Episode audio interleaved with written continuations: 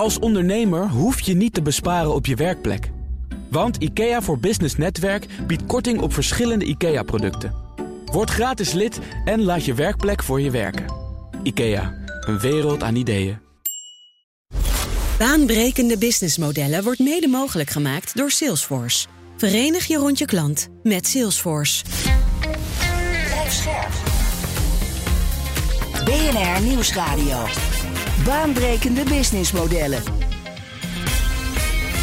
John en Patrick. Naam van jullie bedrijf. Verhuisdieren.nl.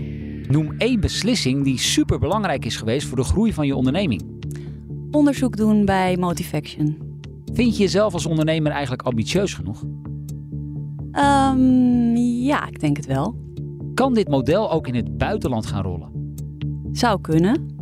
En, beste Femke, welk probleem lossen jullie eigenlijk op? Wij voorkomen dat tweede kans huisdieren in het asiel of op marktplaats belanden door ze direct te matchen met een ideaal nieuw baasje.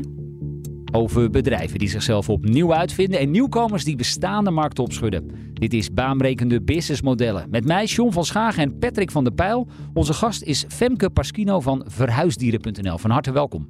Hi. De coronacrisis. Uh, die ligt inmiddels alweer een poosje achter ons. Maar dat heeft wel heel veel impact gehad voor het aantal huisdieren dat mensen in Nederland hebben. Uh, ja, dat is absoluut waar. Als je nu uh, kijkt naar het aantal volgens Pet Monitor, dan zijn het er nu 1,8 miljoen honden en 3,2 miljoen katten.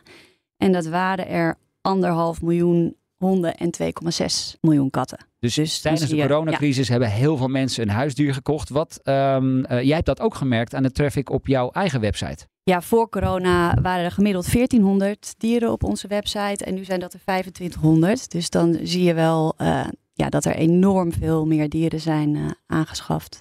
Patrick, ik moet zeggen, ik kom niet dagelijks in een dierenasiel. Ik denk jij ook niet. Uh, maar je hebt wel even wat opgezocht, want hoeveel zijn er daarvan in Nederland? En ja, ook hoe worden die financieel overeind gehouden? Ja, dus we hebben opgezocht en je ziet dat de dierenbescherming ruim 80 asiels uh, heeft of heeft geregistreerd in Nederland. En de laatste paar jaar worden tussen de 20 en 25.000 per jaar naar een van die opvangplekken gebracht.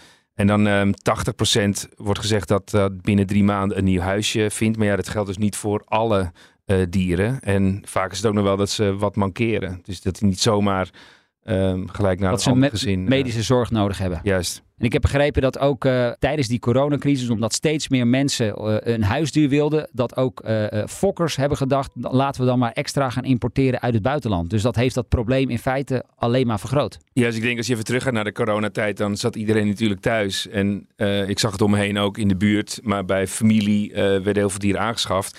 En dan is natuurlijk weer de matching van vraag en aanbod waar ga je die vandaan halen? Dus dan zie je eigenlijk dat het aanbod is opgeschroefd, maar ook de prijs. Want uh, die prijzen zijn echt enorm omhoog gegaan. Dus ja, er is echt veel meer uh, aanbod gekomen en daardoor ook veel meer uh, mensen met huisdieren. De algemene manier om van je huisdier af te komen, zeg ik maar even heel oneerbiedig, dat is dus naar een dierenasiel. en jij, Femke, dacht een jaar of 15 geleden, dat moet anders. Was er een specifieke trigger die jou op dit idee bracht? Uh, ja, eigenlijk wel. Dat kwam uh, omdat ik zelf op zoek was toen naar een kat. In het asiel kon ik op dat moment niet een kat vinden. En toen kwam ik op Marktplaats en toen zag ik zo ontzettend veel dieren die daar zo als, eigenlijk als een soort product werden aangeboden. Uh, ja, dat voelde zo slecht dat ik dacht dat moet eigenlijk anders kunnen. Het was in de periode dat al die datingsites opkwamen, zoals Relatieplanet, Parship. En toen viel eigenlijk bij mij het kwartje. Dat ik dacht, dat kan je ook natuurlijk prima doen met uh, mensen en dieren. Dus de datingsite heeft jou op het idee gebracht om dan een datingsite voor dieren te gaan oprichten. Ja, ja, je gaat eigenlijk natuurlijk een levenslange relatie met elkaar aan. Dus dan zou je ook op, juist op karaktereigenschappen en op behoeftes moeten kunnen matchen. Een dier moeten kunnen zoeken en niet alleen maar op een plaatje met een leuk hoofdje. Maar dan zou je denken dat zo'n marktplaats dat ook zou kunnen faciliteren. Maar dat bleek dat eigenlijk gewoon niet uh, goed te werken. Ja, bij ons zit er natuurlijk een hele matching module achter, waar ook goed over is nagedacht. Zodat je echt ervan uit kan gaan dat de matches die je ontvangt, dat, daar ook, ja, dat die ook echt bij je passen. Want hoe jij dat georganiseerd hebt, dat, uh, daar gaan we het zo uitgebreid over hebben. Uh, misschien ook wel goed om te vertellen, is dat Patrick en jij kennen elkaar al wat langer. En ik hoorde van jou, Patrick, toen jij voor het eerst over dit businessmodel hoorde, was jij niet meteen heel enthousiast? Femke die kwam met dat idee. En dan denk je van hé, hey, dat is wel een ehm, sociaal vriendelijk idee, omdat je dat probleem wilt oplossen. Alleen dan is de vraag van ja, hoe ga je daar nou voor betaald krijgen? En dan ehm, denk je, hey, is dat dan kansrijk? Want één, eh, hoe groot is dan het probleem? Uh, twee, is, zijn mensen dan bereid daarvoor te betalen? Um, en, en drie, zijn er dan ook uh, sponsoren of bedrijven die je een duwtje willen geven? Want je ziet ook wel vaak dat je daarin vergist hoeveel tijd en geld het kost. Dus je hebt toch wel één of twee wat meer collega's nodig. Een goede website, inderdaad zo'n uh, module. Dus dat was niet op dat moment uh, klip en klaar van zo gaan we doen. Jij zag het niet meteen gaan rollen? Nee. Nee. Femke, we hebben net gehoord waarom een uh, platform als verhuisdieren nodig zou zijn. vertel even, hoe heb je jouw oplossing georganiseerd? Ja, nou als jij dus een huisdier zoekt, dan kom je op de website en dan klik je op de button zoek huisdier. En dan word je eigenlijk meegenomen in de flow. Waarin er allerlei vragen worden gesteld over jouw leefomgeving, je gezinssituatie, uh, karaktereigenschappen die je leuk vindt. Um, je maakt je profiel af en dan krijg je elke dag om 6 uur s ochtends in je mail matches met dieren. Net zoals een echte ja, datingsite. Een echte datingsite. En op het moment dat jij denkt van nou, ik uh, zie hier wel een, uh, een, een, leuk diertje waar ik mee in contact zou willen komen dan word je supporter van verhuisdieren. En dat is een bedrag van 25 euro. Je kan altijd meer doneren. Kan je een jaar gebruik maken van onze website. En dan kan je dus in contact komen met de eigenaar. En dan laten wij jou eigenlijk verder uh, in die zin los dat jij zelf contact opneemt met de eigenaar die je gaat ontmoeten. Maar we gaan je wel online helemaal meenemen met informatie en allerlei tips die je mee moet nemen om de juiste beslissing te nemen om, uh, ja, om je dier te adopteren. Ja, en ook dat klinkt wel heel erg bekend in de oren, want zo werkt het ook op een reguliere datingsite. Ja, maar je hoort dat je naar die website kan en uh, gratis die uh, match kunt krijgen. En op het moment dat je iets wil, dat je dan betaalt. Ja. Dus dat zie je niet op alle nee, dat is waar. websites. Nee, ik weet uit eigen ervaring dat datingsites niet altijd tot het gewenste resultaat leiden. Oh. uh, hoe is dat hier? Hoe is de succesrate? Het, het, gaat ontzettend goed. We krijgen enorm veel positieve reacties van mensen die natuurlijk van ons platform gebruik hebben gemaakt. Maar als we dan even kijken naar de cijfers. Je hebt nu 2,5 miljoen bezoekers per jaar. Uh, ongeveer 2500 dieren op de site momenteel. Hoe groot is die omloopsnelheid? Um, ja, er worden er per maand uh, 4000 opgeplaatst dieren. Maar okay. we maken ook ja, tussen de 750 en 1000 matches per maand. Um, maar een deel van die dieren die komen, zijn ook afkomstig van stichtingen. Die dieren uit het buitenland adopteren. En die stichtingen maken gebruik van ons matchingplatform. Dus die hebben natuurlijk ook andere kanalen. Dus het zou ook kunnen dat die dieren natuurlijk via hun eigen website een baasje vinden. Ik kan me wel voorstellen dat als je gebruik maakt van jullie platform en je haalt een hond in huis, dan denk je misschien na één of twee dagen, dit was toch niet helemaal een goede match. Moet een eigenaar, een oorspronkelijke eigenaar, het beestje dan weer terugnemen of hoe gaat dat in de praktijk? Nou, sowieso is het bij ons heel belangrijk dat, uh, dat er een vangnet is voor de dieren. Uh, bij particulieren, ja, daar kunnen wij natuurlijk niet verplichten, maar wij geven inderdaad wel die informatie van zorg als je een dier adopteert, dat je goede afspraken maakt met de eigenaar. Dat je, hè, mocht het toch niet werken, dat het dier weer terug kan. En uh, met de stichtingen waar wij mee samenwerken, of in ieder geval de stichtingen die van ons gebruik maken, daarvoor is ook de eis dat ze een vangnet hebben voor de dieren. Dus er moeten altijd gastgezinnen zijn die ze weer kunnen opvangen. Want ja, het blijft natuurlijk een online match. Het gaat 9 van de 10 keer goed, dat durf ik echt wel te zeggen.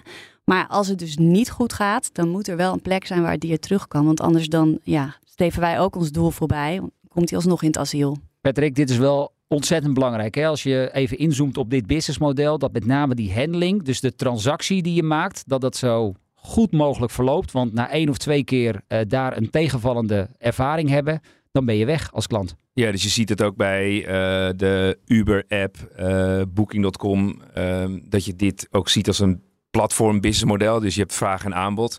Alleen als je dat niet goed handelt, dan is die kwaliteit niet goed en dan zijn mensen gewoon echt niet blij. Dus je ziet dat um, wij hebben ook een keer um, zelf een hond onder moeten brengen. En dan ben je eigenlijk iemand die dat aanbiedt. En dan voel je eigenlijk al heel erg vervelend dat je het überhaupt moet doen. Want je bent niet in staat blijkbaar om voor dat hondje te zorgen. Jullie moesten hem naar het asiel brengen? Ja, en uiteindelijk, dus ik woonde altijd alleen. En toen had ik zo'n uh, heel eigenwijze beagle. En toen kwam er ineens een gezin bij en die vond het allemaal niet heel gezellig. En dan voel je al heel vervelend. Alleen toen op de website uh, kwamen uiteindelijk bij een aantal alternatieven. Maar eentje eh, drie oog achter en op een balkon in Amsterdam. Maar de andere in Tiel met een gezin en een heel grote tuin. En met die mensen heb ik altijd nog contact gehouden. En dan heb je eigenlijk als degene die het aanbiedt van een vervelend gevoel krijg Goed gevoel. echt een heel Ja. goed gevoel. Ja. Dat maakt het wel mooi qua ja, platform. Femke, jullie doen dit nu zo'n 15 jaar. Ehm, ik kan me voorstellen, je bedenkt zo'n concept, je gaat ermee testen en dan kom je er gaandeweg achter dat bepaalde dingen toch niet helemaal gaan zoals je ze bedacht had. Ehm, welke aanpassingen heb jij gaandeweg moeten doen? Misschien ook wel belangrijk om even te vertellen dat Verhuisdieren een goed doel is. We hebben ook een, eh, een Jullie zijn een Ja, ambi-stichting. we zijn een ambi-stichting, dus we hebben ook geen winstoogmerk. Dus ik ben dit begonnen ook naast mijn werk in de avonduurtjes met echt vanuit mijn eh, ja, Passie voor dieren. passie voor dieren. En ik wilde echt iets doen met zingeving. Dus eh, met die insteek ben ik verhuisdieren begonnen en heb ik ook gedacht van nou, dit platform kan prima op donaties ehm, bestaan.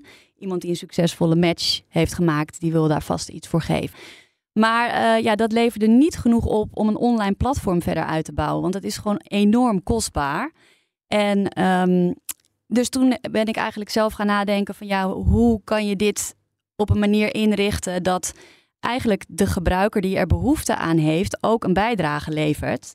En zo kwam ik op het supportermodel, waarbij dus eigenlijk de adoptant eh, ons steunt op het moment dat hij in contact wil komen dus met de eigenaar. Degene die zijn dier herplaatst kan gewoon gratis gebruik maken van de website, want we zijn er voor de dieren. Het belang van de dieren staat altijd voorop.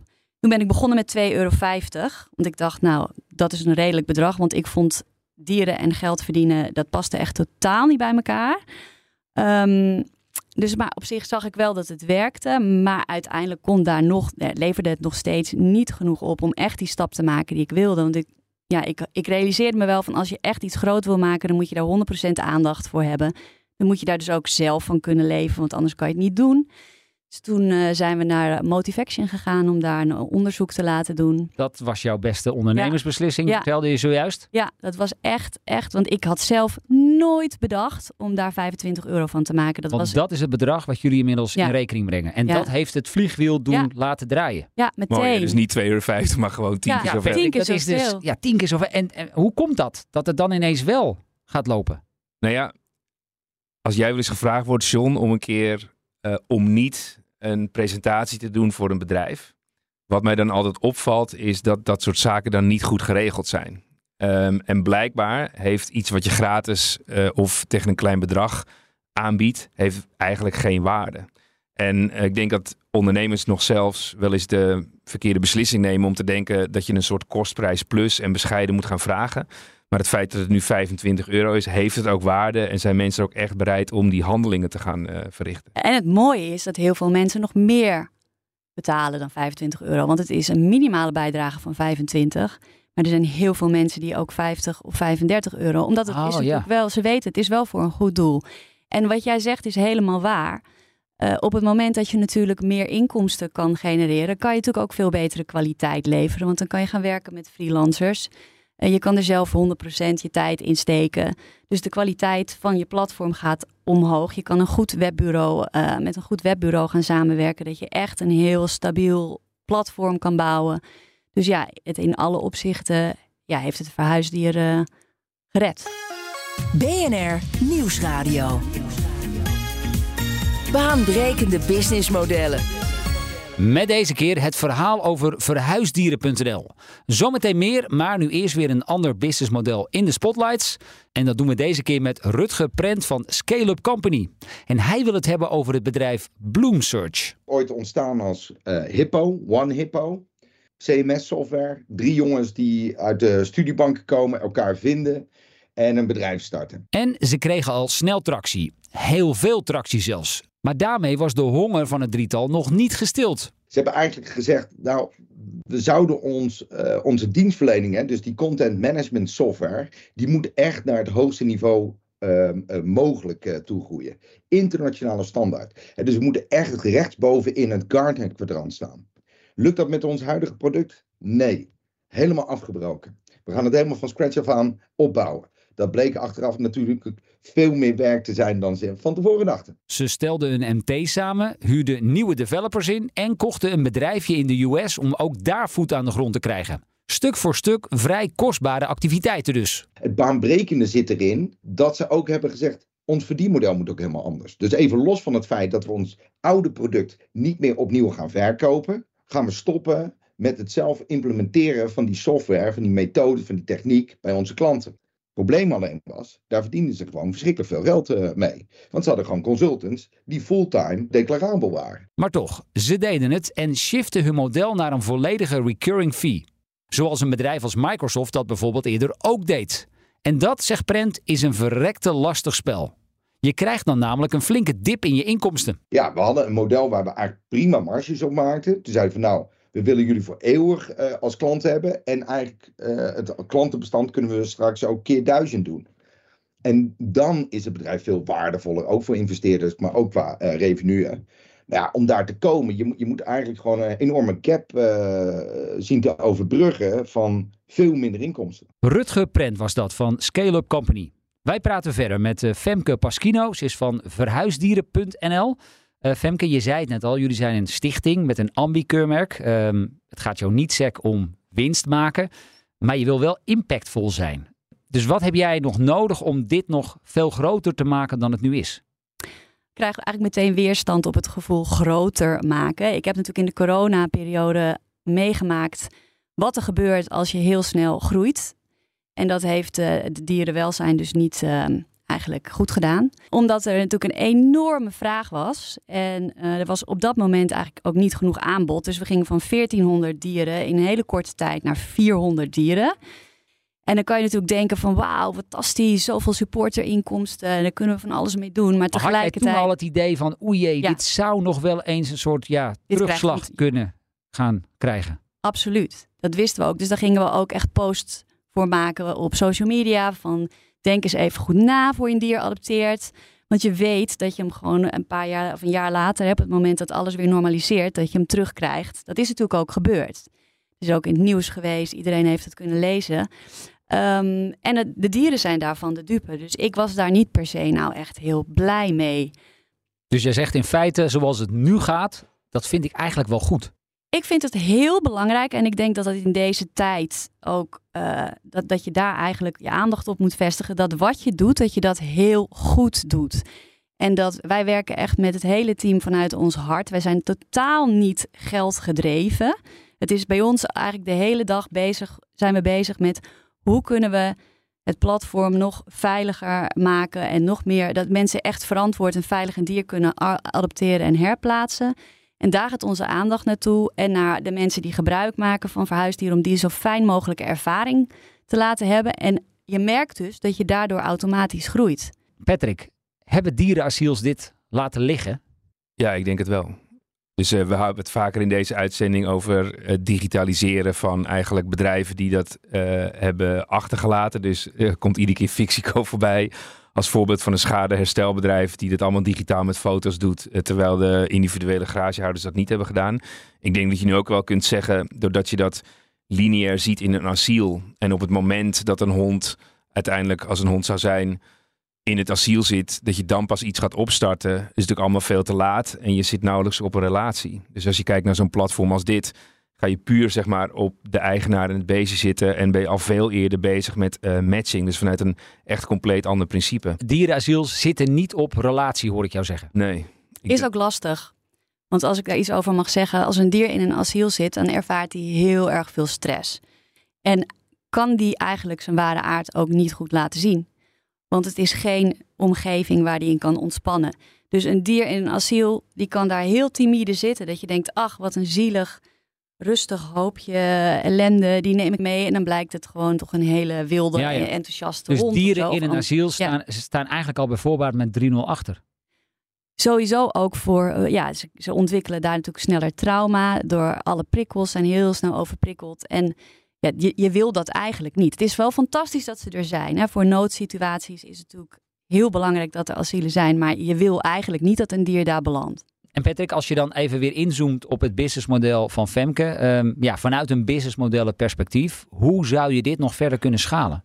Kijk, er zijn een aantal manieren waarop je het kunt doen. En je kunt zeggen, ik heb, zo kijk je eigenlijk altijd naar groei van businessmodellen. Dus je zou kunnen zeggen, hey, ik zie een groeistrategie om dit te kopiëren in alle buitenlanden. Nou, één is, daar moet Femke maar net zin in hebben. Ehm, en dat kost ook heel veel tijd en geld. En wordt vaak ook wel een onderschat wat dat betekent om dat in Duitsland te gaan doen. Ehm, een andere groeistrategie zou zijn door in Nederland nog veel meer actieven te gaan plaatsen. En bijvoorbeeld ook uh, financieel grotere bedragen te vragen. Maar dat moet dan ook bij de stichting en de visie uh, passen.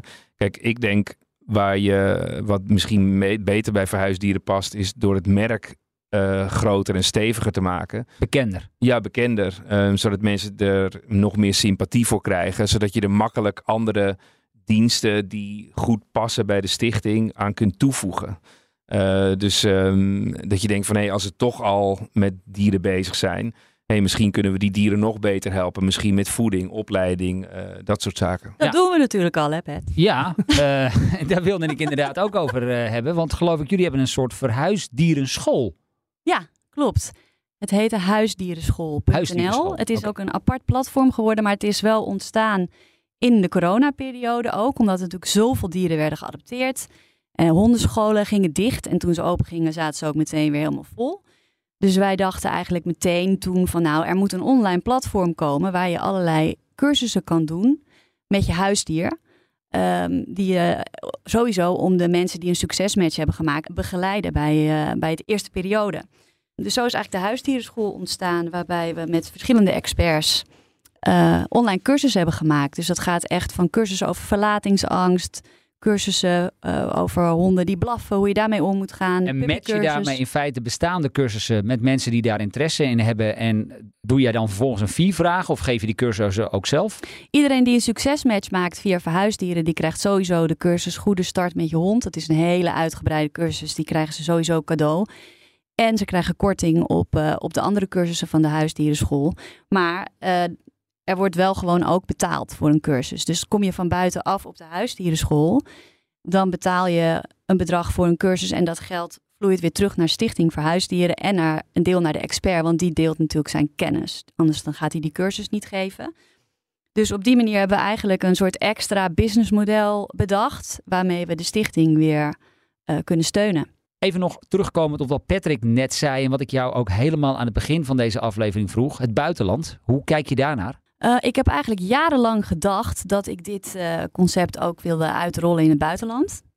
Um, maar ik ben daarop teruggekomen omdat ik nu heb ervaren hoeveel uitdagingen we hebben om het in Nederland goed te doen. En je wil eigenlijk altijd het belang van die dieren voorop blijven zetten. Hè. Die moeten natuurlijk op een veilige, verantwoorde manier een baasje vinden.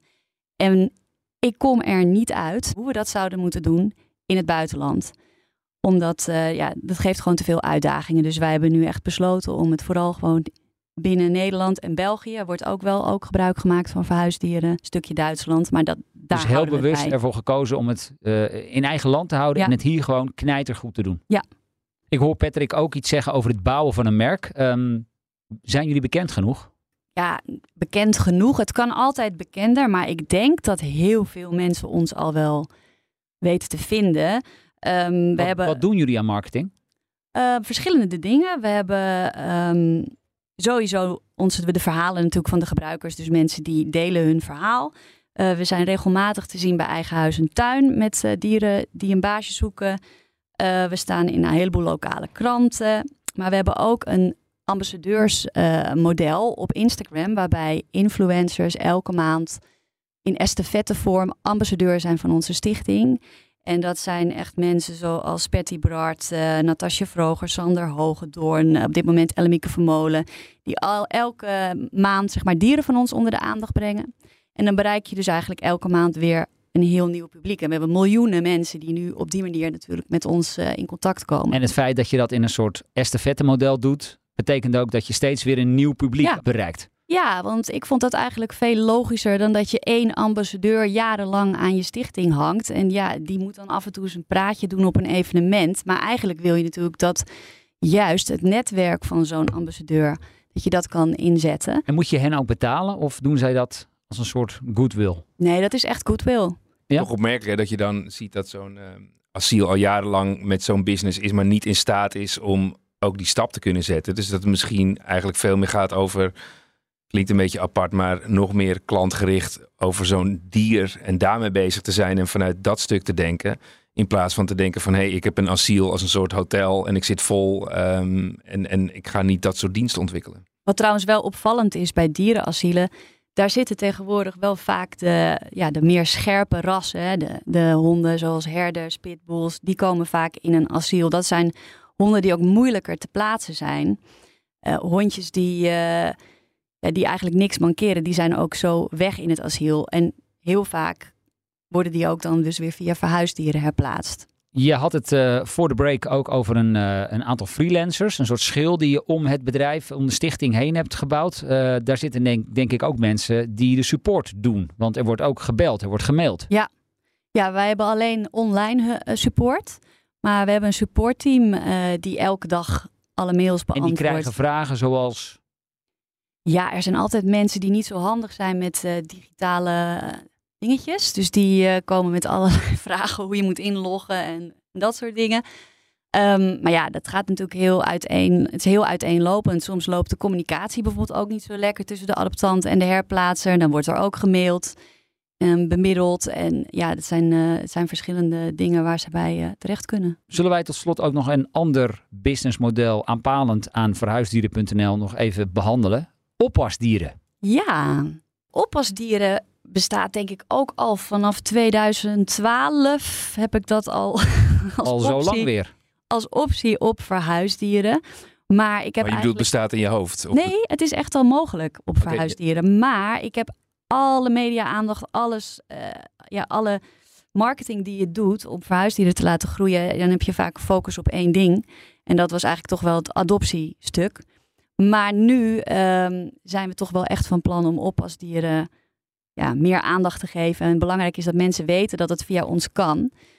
Um, er staat Want leg even uit, uh, ik ga een paar weken op vakantie en heb niemand waar mijn dier naartoe kan. Ik breng hem dan niet naar het dierenasiel, nee. maar ik kan hem bij een soort gastgezin onderbrengen. Ja, je kan kiezen als je bij ons een oppasprofiel aanmaakt of je een oppas zoekt structureel, dus voor bepaalde dagen in de week, of voor een bepaalde tijd, of voor onbepaalde tijd. En dan, uh, ja, dan kunnen wij dat natuurlijk weer on, onder de aandacht brengen via onze social media kanalen enzovoort. En dan uh, hopelijk vind je dan iemand in de buurt die jouw hond gaat uh, verzorgen. En dat is ook, um, als je dan in contact wilt treden met iemand, 25 euro? Nee, op dit moment is het kosteloos. En waarom? Omdat we het eigenlijk als een extra service nu aanbieden um, voor de mensen die een huisdier hebben geadopteerd. Omdat het natuurlijk ook vaak heel veel dieren ook weer op uh, in een asiel of op verhuisdieren belanden als mensen op vakantie gaan en denken van ja, het is toch wel echt heel onhandig met al die vakanties. En waar moet ik nou heen met, uh, met mijn hond of met mijn kat? En dan uh, willen ze er eigenlijk weer vanaf. Ja. Maar op deze manier hoeft dat natuurlijk niet, want je nee. kan iemand vinden. Dus je ziet het echt als een extra uh, service in feite, ook weer in het belang van de honden en de katten. Patrick, is Femke commercieel genoeg? Ja, ik vind van wel, want uiteindelijk, we begonnen natuurlijk zoveel jaar geleden. En is het de vraag, krijg je dat echt voor elkaar? Um, en uh, ja, het is dus gelukt zonder uh, subsidie of, of dat soort zaken. Maar het andere is ook wel over het testen van die nieuwe concepten. Uh, dat je eerst moet kijken, is er überhaupt behoefte aan? Zodat je daarna kunt vaststellen wat je daar eventueel voor kunt vragen. Ja, dat ben ik absoluut met je eens. En um, daarom gaan we nu ook oppasdieren helemaal in een nieuw jasje gieten. En daarna gaan we het model wat we eigenlijk nu op, uh, op adoptiedieren toepassen, gaan we ook wel toepassen op. Uh... Hè, dus dan ga je daarvoor betalen. Ja, alleen dan draaien we het om. Dus degene die een probleem heeft, dat is eigenlijk degene met het huisdier, die wordt dan supporter. Ja. als jij dus aan wil, me wil melden als oppasser, als je je wil aanmelden als oppasser, is wel goed om dat hier ook even te melden, mensen. Ja. Als je overweegt om een huisdier te gaan adopteren, is het eigenlijk heel handig om eerst eens een oppasprofiel aan te maken. En eens te kijken in de vakantie, hoe is het nou om eens een paar weken op een huisdier te passen. Ja, ja. Dat zou ik eigenlijk iedereen die nu luistert willen adviseren. Voordat je een beslissing neemt. Want het is best wel een impact. Het is natuurlijk fantastisch. Ik vind het helemaal geweldig om huisdieren te hebben. Maar oppasdier is eigenlijk een hele mooie manier om ook eens te kijken van gaan mijn kinderen wel echt die hond uitlaten? Ja, dat ken ik inderdaad. Want wij hebben konijnen thuis. Nou, uh, één keer raar wie ze elke dag mag eten geven. Maar kijk, dat is ook wel die vraag die jij stelde, John, over uh, commercieel. Uh, commercieel betekent dan, zou kunnen betekenen dat je zegt, kan mij niet schelen wat er gebeurt, maar ik moet van die verhuisdieren af. Dus ik ga er alles aan doen om die te plaatsen. En dat is natuurlijk wat bij Femke niet het geval is. Tot slot dan nog even, jij kwam met dit concept. Wat, wat leren we hiervan? Als je zoals Femke zeg maar, een idee hebt en een bepaald probleem wil oplossen, dan hoeven er niet allemaal de volgende Coolblue bedrijven te worden. En um, uiteindelijk zie je dat je zelf je eigen baan en je werk hebt gecreëerd.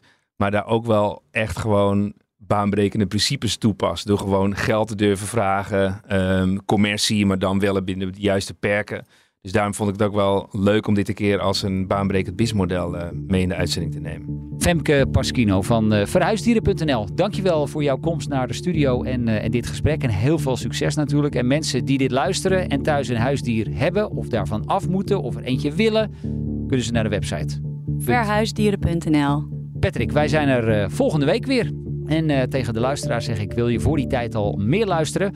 Check dan zeker ook onze andere afleveringen die je vindt op vrijwel alle bekende podcastkanalen. Tot volgende week. Baanbrekende businessmodellen wordt mede mogelijk gemaakt door Salesforce. Verenig je rond je klant met Salesforce. Het inrichten van je eigen zaak is best wel wat werk. Daarom biedt IKEA voor Business Netwerk 50% korting op interieuradvies. Word gratis lid en laat je werkplek voor je werken. IKEA, een wereld aan ideeën.